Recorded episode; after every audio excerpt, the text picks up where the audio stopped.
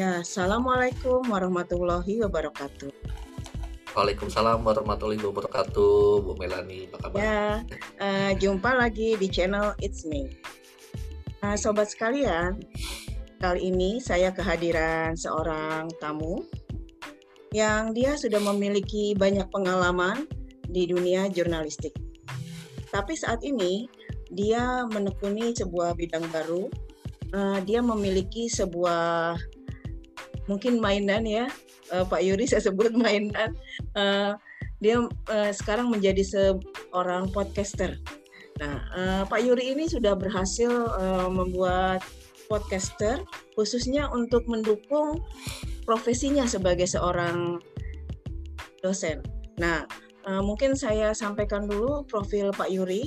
Pak Yuri ini nama lengkapnya Yuri Alfrin Al Aladin Nah, kebetulan saya mengenal beliau ketika kita sama-sama mengajar di sebuah perguruan tinggi di Jakarta Utara ya Pak Yuri ya. Iya Bu. Ya. nah Pak Yuri ini memiliki pengalaman di dunia jurnalistik sekitar 30 tahun ya Pak Yuri ya? Uh, 22. Oh 22, 22 lebihnya lebihnya kebanyakan. Kelebihan.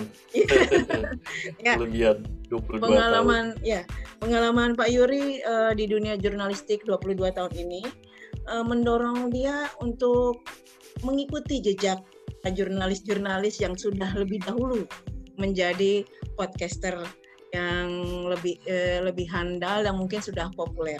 Nah sekarang kita simak bincang-bincangnya dengan Pak Yuri.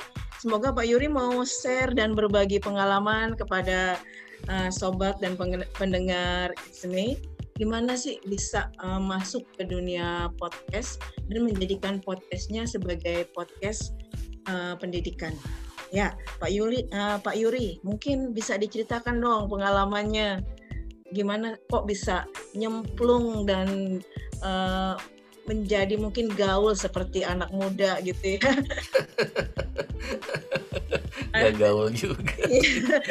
ya gimana Pak, Pak Yuri? Iya Kak, Iya Bu, terima kasih banyak nih sudah diundang ke podcastnya Bu Melani. Jadi uh, sebenarnya sih berawal dari kita, eh, ini suaranya udah udah pas ya? Sudah. Udah kedengeran jelas ya? Oke. Okay. Sudah.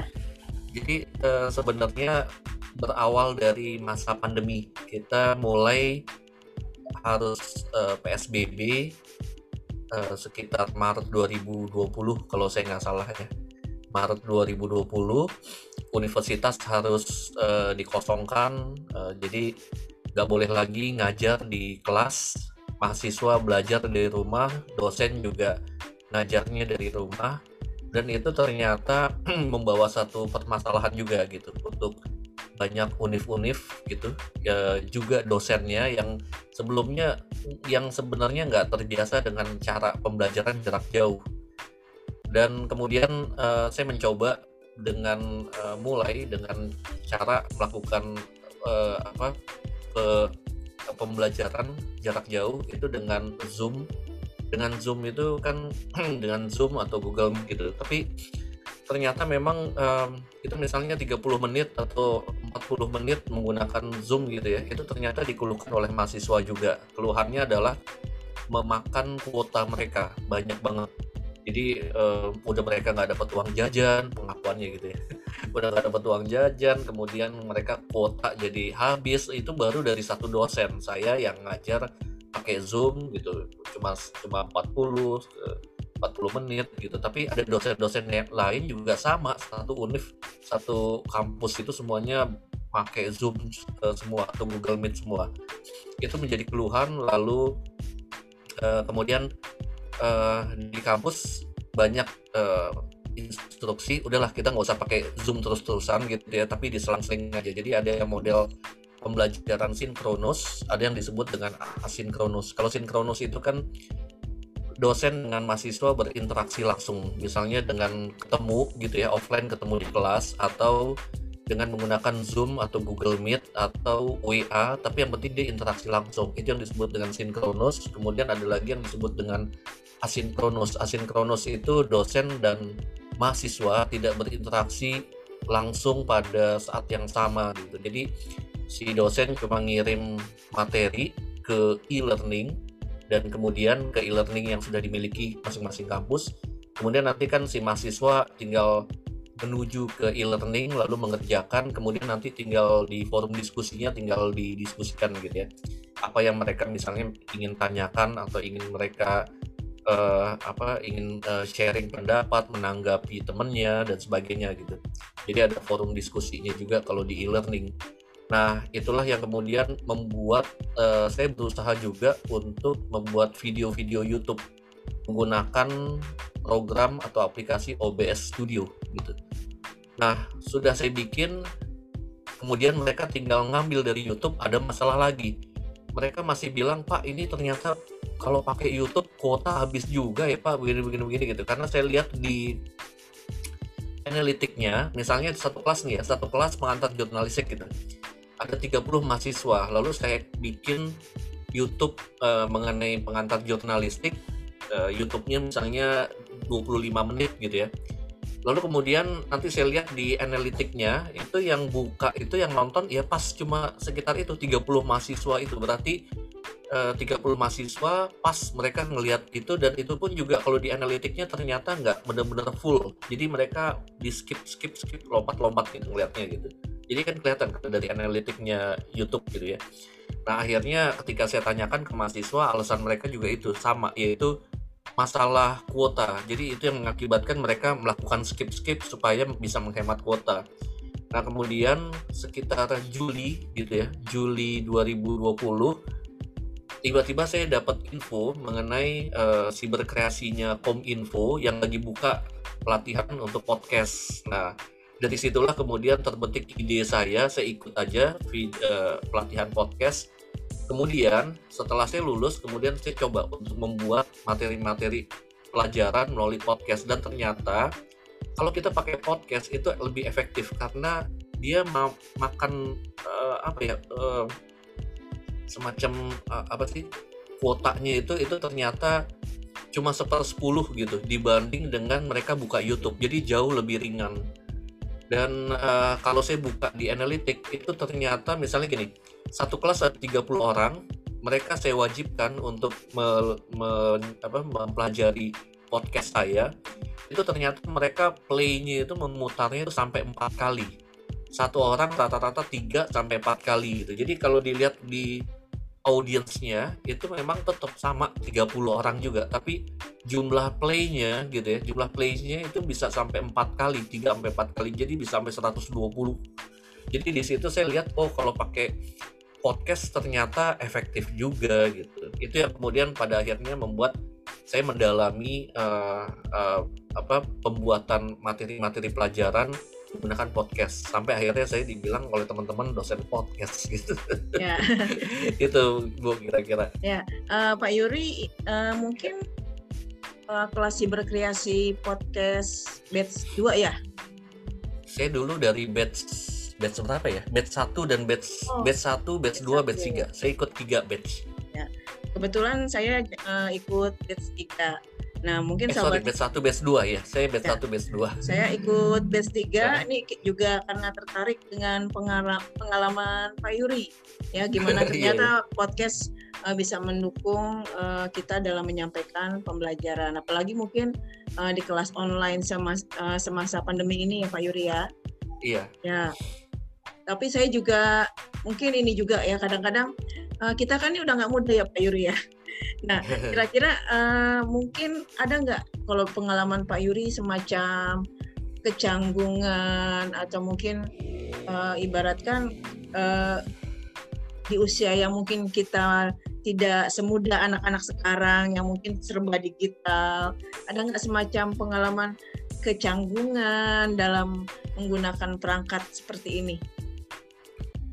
um, jujur sih sebelumnya saya tahu yang jadi gini sebelumnya sebelum ikut podcast uh, ikut pelatihan podcast siberkreasi Juli 2020 sebelumnya saya tahu yang namanya podcast gitu ya. Tapi saya nggak tahu cara bikinnya gitu.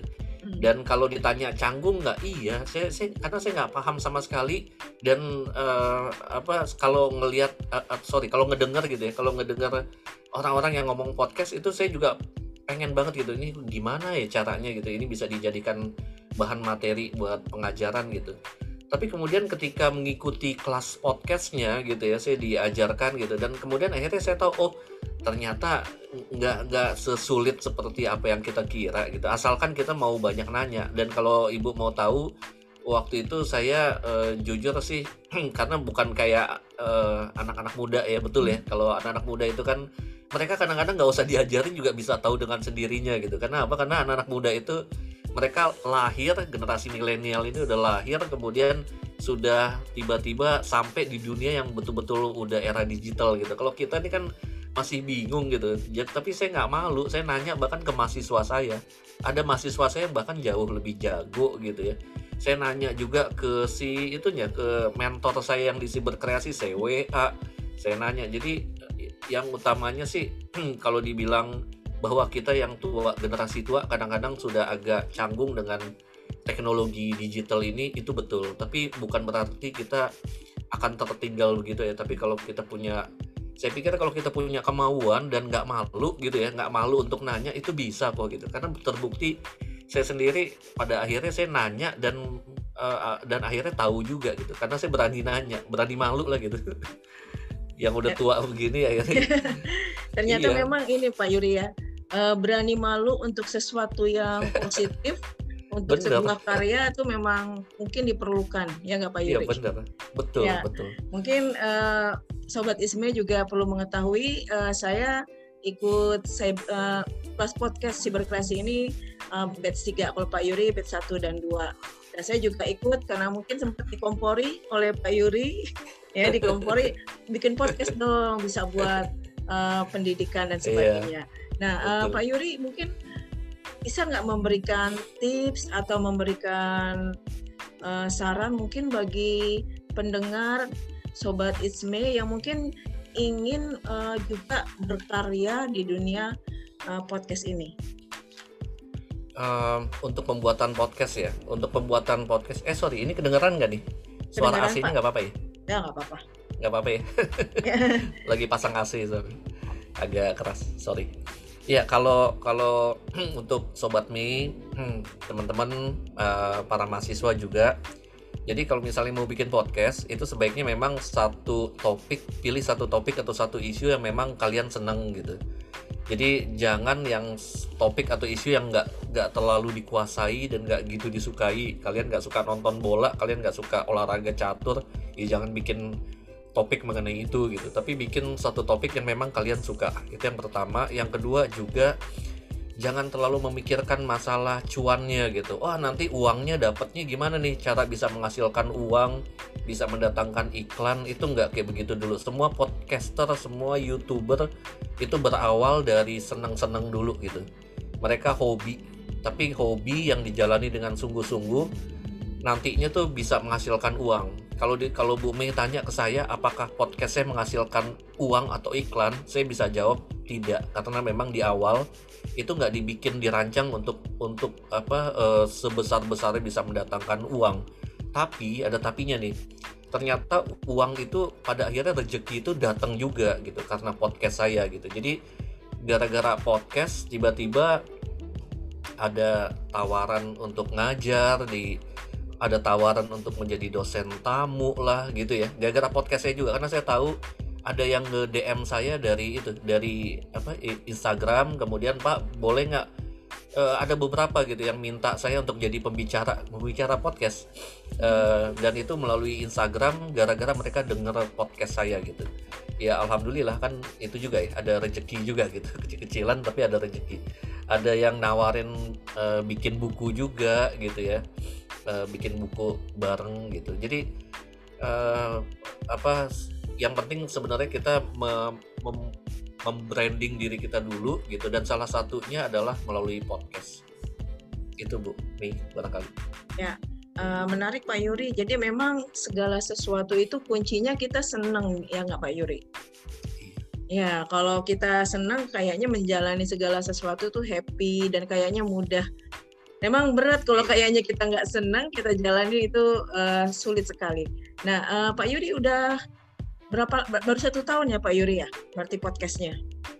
Uh, dari iya dari Juli 2020 uh, hampir satu tahun sekarang kan baru bulan Mei ya 2000 eh, baru bulan April 2021 jadi belum satu tahun sih sebenarnya gitu. Uh, dan episodenya juga saya baru 70 episode 70 jadi belum mungkin belum sebanyak yang lain. Saya nggak sanggup setiap hari bikin gitu. Jadi selang-seling ada kadang-kadang sampai jadi biasanya itu seminggu dua kali gitu ya saya bikin tapi ada juga kayak kemarin ini saya sampai satu bulan saya nggak bikin-bikin podcast. Itu gara-gara kebentur dengan apa persiapan untuk sidang kemudian ada ada kerjaan lain lagi untuk uh, penelitian gitu ya. Akhirnya saya nggak sanggup tapi baru berapa hari baru minggu-minggu kemarin saya baru bikin podcast lagi gitu. Jadi ya semampunya dan oh itu pun juga saya lakukan memang podcast saya memang tidak direncanakan untuk membuat uh, apa menjaring iklan atau apa tapi betul-betul untuk masalah sosial gitu yaitu untuk pengajaran gitu. mudah-mudahan jadi uh, bisa bermanfaat untuk mahasiswa-mahasiswa saya juga dan juga untuk masyarakat banyak juga gitu jadi lebih ke apa ya charity kali gitu. yeah. ya charity tapi uh, ada efek positifnya juga ya begitu ya, ya Pak Yuri ya? amal. ya. Uh. Ya, uh, Pak Yuri kan uh, branding podcast yang uh, Pak Yuri buat ini lebih ke arah sosial atau pendidikan. Nah, yeah. uh, mungkin bisa memberikan trik gimana sih uh, membrandingnya gitu. Jadi orang uh, bisa menciri uh, mencirikan oh podcastnya Pak Yuri seperti ini loh. Nah, gimana caranya brandingnya uh, Pak Yuri? Um, sebenarnya apa tergantung ini ya tergantung dari awal konsep kita tuh kayak gimana gitu kalau saya sendiri sebenarnya gini branding yang saya mau tawarkan ke audience membawa mereka ke suasana kelas gitu jadi ketika si audience mendengarkan podcast saya mereka seolah-olah berada di dalam kelas saya gitu. jadi uh, tapi karena kita kan suasananya sekarang lagi online gitu ya jadi uh, seolah-olah mereka masuk di dalam kelas saya kelas online jadi saya biarkan ada misalnya keributan-keributan ketika itu ya mahasiswa biasalah ada yang cerewet, ada yang bawel, ada yang gimana gitu di itu. Saya, saya biarin aja. Pernah juga kemudian saya nge-podcast uh, waktu itu saya lagi ngajar. Jadi biasanya gini, ada materi kuliah tertentu yang ketika saya lagi ngajar via online, via Zoom, itu saya rekam gitu misalnya saya rekam dari rumah kemudian di rumah saya di Depok nih lagi tiba-tiba ada tukang sate padang lewat gitu ya. Ada tukang somai ya udah saya diem ini saya nggak edit. Jadi saya biarkan pokoknya nanti kalau audiens yang dengar dia akan merasa seolah-olah memang ada walaupun dia cuma itu ya telinga. Jadi saya mencipt, berusaha menciptakan theater of mind gitu. Mereka seolah-olah sedang berada di dalam uh, kelas online saya dan mereka mendengarkan suara para mahasiswa yang berceloteh yang lagi uh, bertanya gitu ya kemudian kita diskusi dan sebagainya gitu. Ada beberapa mahasiswa sih yang beberapa orang bahkan yang bukan mahasiswa saya juga gitu ya. Mereka uh, ketika mendengarkan uh, podcast saya juga mereka berkomentar yang sama. Mereka kirim via DM uh, IG ke saya gitu. Kemudian mereka bilang gitu bahwa ketika mereka dengerin kok mereka seolah-olah kayak lagi ada di kelas saya gitu. Itu kira-kira bu. Jadi branding yang saya ciptakan adalah yang saya tawarkan dengerin podcast saya seperti anda mendengarkan uh, uh, apa perkuliahan di kelas saya gitu. Ya, uh, Pak Yuri, uh, Pak Yuri kan mungkin lebih banyak berinteraksi dengan mahasiswa dan mungkin topik-topiknya juga berkaitan dengan uh, dunia kampus ya Pak Yuri ya. Iya, nah, uh, pertanyaan saya ada nggak sih yang menjadi mungkin pengikut dari podcastnya Pak Yuri ini mungkin kampus di luar Pak Yuri ngajar? Um, saya nggak tahu ya, tapi kalau lihat dari uh, jumlah pendengarnya total gitu ya, saya waktu itu buka di analitiknya, uh, ternyata memang udah mencapai 2000 2700-an gitu jumlah jumlah orang yang mendengarkan sementara kalau yang mereka yang memfollow gitu mereka yang follow itu paling cuma sekitar berapa 500-an gitu. Tapi kalau jumlah mereka yang sampai mendengarkan gitu itu lumayan tinggi. Sekitar 2700 sekian yang saya yakin itu bukan mahasiswa saya karena mahasiswa saya nggak sebanyak itu walaupun saat ini saya ngajar di empat kampus saya ngajarnya selain di Al Azhar saya ngajar di beberapa kampus yang lain gitu dan mahasiswa uh, di kelas gitu di kelas yang saya ajar itu mau nggak mau harus ngedengerin bu karena karena apa? Karena saya paksa gitu. Jadi saya paksanya melalui apa? Tugas. Ada tugas yang mereka harus kerjakan di e-learning. Untuk mengerjakan tugas itu mau nggak mau mereka harus dengerin podcast saya.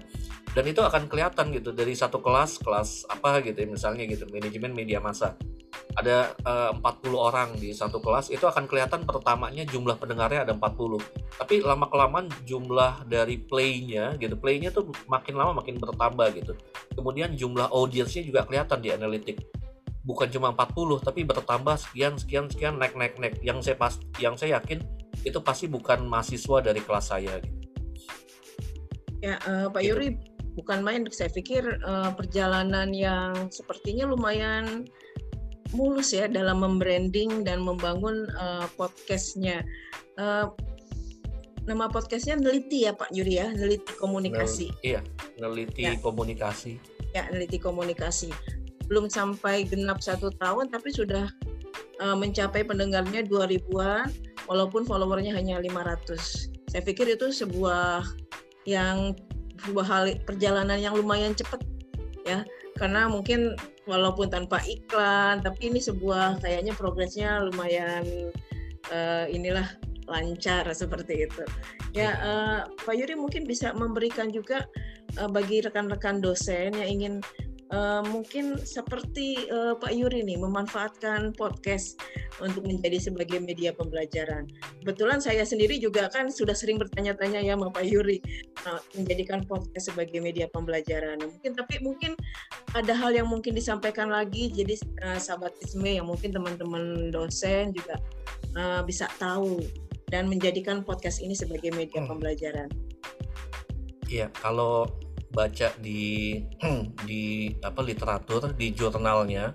Di jurnal-jurnal yang meneliti mengenai podcast juga udah banyak bu. Di luar negeri di Indonesia juga ada. Tapi sedikit ya penelitian mengenai podcast.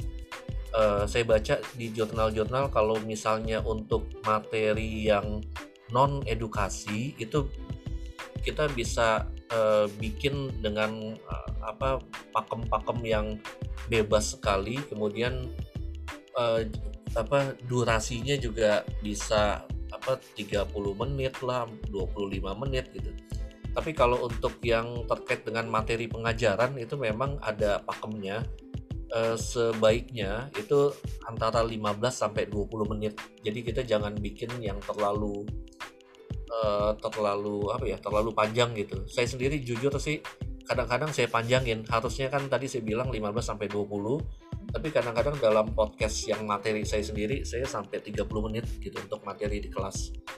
Eh, uh, 30 menit karena apa? Karena ada sisa j ada sisa waktu tuh yang kalau saya potong lagi tanggung gitu. Tapi saya batasin sebisa mungkin itu paling banyak kalau materi kelas biasanya mungkin 30 menit. Tapi kalau ada materi-materi yang khusus gitu ya materi yang betul-betul uh, terkait dengan sesuatu hal yang agak berat itu biasanya saya pendekin lagi. Paling cuma 15 menit kemudian nanti saya bikin berseri ada lagi gitu. Jadi ada yang uh, pertemuan satu pertemuan dua tapi kalau materinya berat ya paling cuma 15 menit 15 menit gitu kayak gitu tapi kalau materinya agak ringan itu biasanya saya panjangin sampai 30 menit. Sementara kalau dialog gitu saya berdialog kayak saya waktu itu bikin podcast bersama Bu Melani juga itu bisa lebih bisa sampai uh, hampir satu jam. Nah itu yang pertama masalah uh, apa uh, waktu gitu ya durasi. Kemudian yang kedua juga masalah uh, tema gitu. Itu sebaiknya memang agak ditentukan dari awal juga konsepnya mau seperti apa gitu materinya. Apakah seperti di kelas gitu ya suasana kelas atau misalnya lebih ke dialog gitu atau mau lebih ke semacam isinya seminar-seminar dan sebagainya atau monolog gitu itu sebaiknya ada ada model-model yang seperti itu. Saya sendiri sih saya mencoba dengan beberapa uh, racikan gitu. Jadi ada yang saya di kelas gitu ya, saya lagi ngajar di kelas uh, di Zoom via Zoom kemudian direkam lalu nanti saya buat menjadi podcast seolah-olah saya menghadirkan kelas ke uh, para pendengar uh, tapi ada juga yang saya misalnya melakukan dialog gitu. Tapi yang uh, atau ada juga yang model penelitian. Jadi saya wawancara tapi terkait dengan sebuah penelitian tertentu.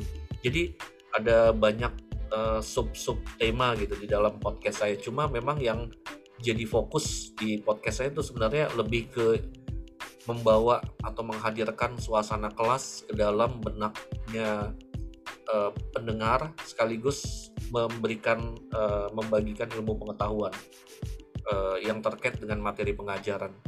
Jadi ada ada beberapa trik seperti itu bu. Jadi yang apa uh, banyak hal yang sebenarnya bisa digali dan kadang-kadang perlu dicocokkan juga dengan masing-masing uh, podcaster. Nggak nggak satu pot satu orang podcast itu belum tentu pakemnya tuh sama gitu. Jadi kayak saya sendiri uh, saya biasanya pakai menggunakan PPT gitu ya untuk membimbing saya supaya nggak terlalu ngomong terlalu bebas kemudian nanti jadi akhirnya jadi ngelantur ke mana-mana. Jadi saya dibimbing oleh uh, PowerPoint gitu. Tapi ada juga teman lain podcaster yang ketika dia monolog dia harus membuat skrip dulu gitu.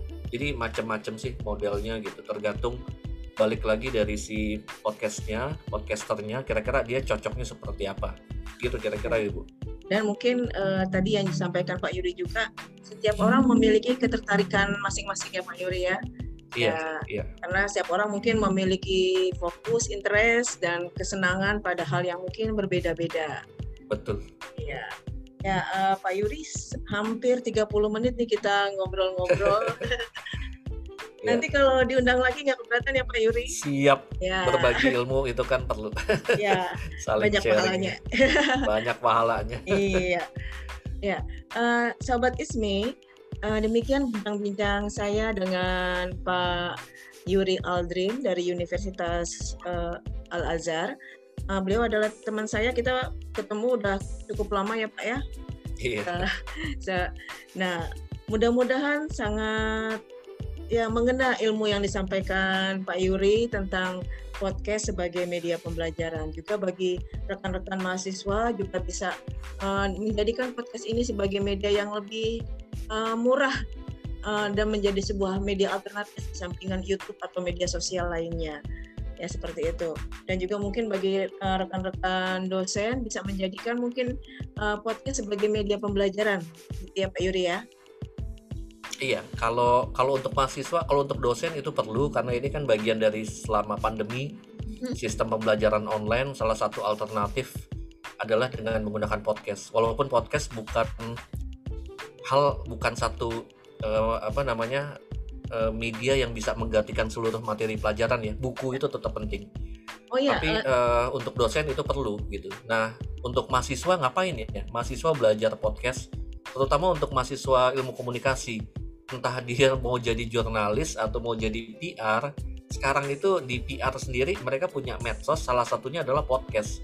Kemudian untuk jadi jurnalis beberapa media sekarang juga menggunakan podcast juga gitu. Contohnya seperti radio KBR Tempo. Tempo juga ada podcastnya loh bu. Dia dia punya medsosnya juga dia pakai podcast. Jadi berita yang udah disiarkan kemudian selain dia pakai misalnya uh, Kompas TV gitu ya. Dia selain pakai itu selain pakai apa uh, .com-nya dia ada itunya juga dia ada YouTube-nya gitu. Kemudian nanti dikirim ke podcast KBRH tuh pakai podcast gitu. Oh Info ya. juga sama. Pak Yuri ini kan vaksin COVID sudah uh, mulai disebarluaskan nah mungkin sebentar lagi pandemi bye-bye nih. Nah kira-kira iya. podcast masih tetap eksis nggak nih Pak Yuri? Setelah pandemi uh, mungkin berlalu kalau khusus mengenai podcast saya yakin saya yakin masih tetap bertahan gitu. Karena apa? Karena kan taruhlah misalnya kita jadi Juli ya sesuai dengan Mas Menteri kan pengennya Juli kita sudah Juli 2021 ini. Kita sudah mulai uh, ketemu di kampus mahasiswa dan dosen ketemu di kampus. Pengajaran sudah mulai berada di uh, sudah dimulai lagi di kampus gitu ya. Uh, tapi apakah itu akan menutup model pembelajaran jarak jauh via digital? Enggak. Kalau menurut saya ada satu uh, blessing in disguise gitu. Selama masa pandemi yang membuat metode pembelajaran itu kemudian menemukan jalannya sendiri gitu antara lain dengan menggunakan digital dan itu nggak akan mungkin dihilangkan gitu. Jadi tetap dia akan bertahan model sistem pengajaran menggunakan uh, metode sinkronus dan asinkronus ini akan tetap ada dan terbukti di beberapa kampus itu bu seperti binus juga sama gitu ya di apalagi Undira itu juga modelnya juga dia menggunakan mix juga gitu. Uh, apa blended UAI juga ada uh, apa yang di ilmu apa ya uh, hubungan internasional itu juga menggunakan blended jarak jauh dan ketemu di kelas offline gitu. Jadi ada hal-hal yang memang uh, kalaupun nanti kita udah mulai kuliah di kampus nggak akan mungkin hilang model pembelajaran jarak jauh salah satunya menggunakan media podcast. Ya, jadi yang jelas uh, podcast tetap eksis walaupun pandemi berlalu ya Pak Yuri ya. Uh, keyakinan sih sih gitu. Ya, ya apalagi uh, sekarang kan udah era digital ya. Kayaknya iya. semua sudah serba digital. Kayaknya mungkin podcast akan tetap eksis seperti eksisnya media-media yang lainnya. Iya betul. Ya, ya uh, Pak Yuri uh, sudah mungkin 30 menit. Tadi mau ditutup ternyata masih ada topik yang kita bahas. Ya mungkin Sobat Isme demikian bincang-bincang saya dengan Pak Yuri Aldrin dari Universitas Al-Azhar. Nah mudah-mudahan kita bisa ketemu lagi berbicara bincang-bincang mungkin dengan topik tentang jurnalistik ya Pak Yuri ya. Siap Bu. Ya. Siap. Nah, uh, Sobat Isme, ambil yang positifnya, buang yang buruknya. Semoga pertemuan kali ini bermanfaat dan semoga tetap sehat dan bahagia. Assalamualaikum, sampai jumpa di episode yang lainnya. Dadah.